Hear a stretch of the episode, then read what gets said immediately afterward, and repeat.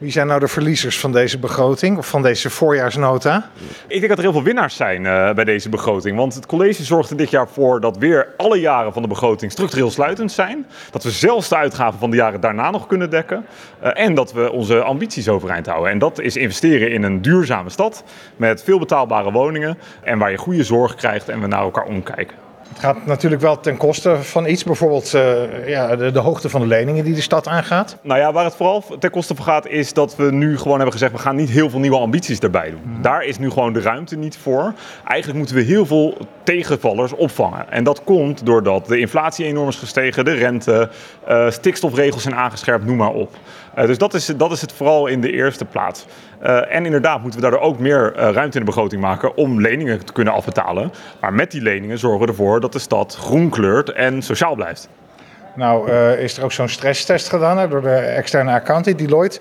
Nou ja, die, die zegt eigenlijk wel dat er zijn allerlei beheersmaatregelen genomen waardoor dit wel kan. Maar je ziet wel dat de lasten inderdaad stijgen. Leiden zit ook al aan de hoge kant landelijk gemiddeld.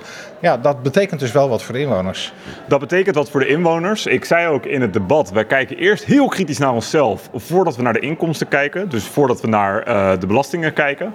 Uh, en dat heeft ervoor gezorgd dat we heel veel ambities uh, nu niet uitvoeren. Ook dat we ombuigen binnen bestaande programma's. Dus dat we geld dat we hadden voor andere doeleinden inzetten. Dus eigenlijk een beetje een bezuiniging zou je kunnen zeggen. Uh, en uiteindelijk hebben we het wel ook eerlijk gevonden om de inflatie door te rekenen in de lokale heffingen. En dat is ook wat we politiek al met elkaar hebben afgesproken. Op die manier zorgen we ervoor dat we blijven investeren in een stad waar je betaalbaar kan wonen, die voorbereid is op de toekomst en, en die sociaal is. Dat vinden we heel erg uh, belangrijk. Dus ja, dat is, uh, dat is denk ik de teneur van deze kaderbrief. En toch is er een paar dagen geleden ook nog een flinke meevaller bekend geworden. Hè? De, de meicirculaire, zoals dat dan heet, van, uh, van het Rijk. De, de, de, financiën die naar de gemeente gaan. Een plus voor de komende jaren van, wat is het, bijna 4 miljoen? Nou, de plus structureel is 2,1 miljoen. En incidenteel eenmalig 4 miljoen. Dat is een heel klein bedrag, die 4 miljoen. Die, die 2 miljoen die je structureel elk jaar weer krijgt, dat is wat serieuzer. Maar wat ook bekend is geworden vandaag nog, is dat de rente weer verhoogd wordt.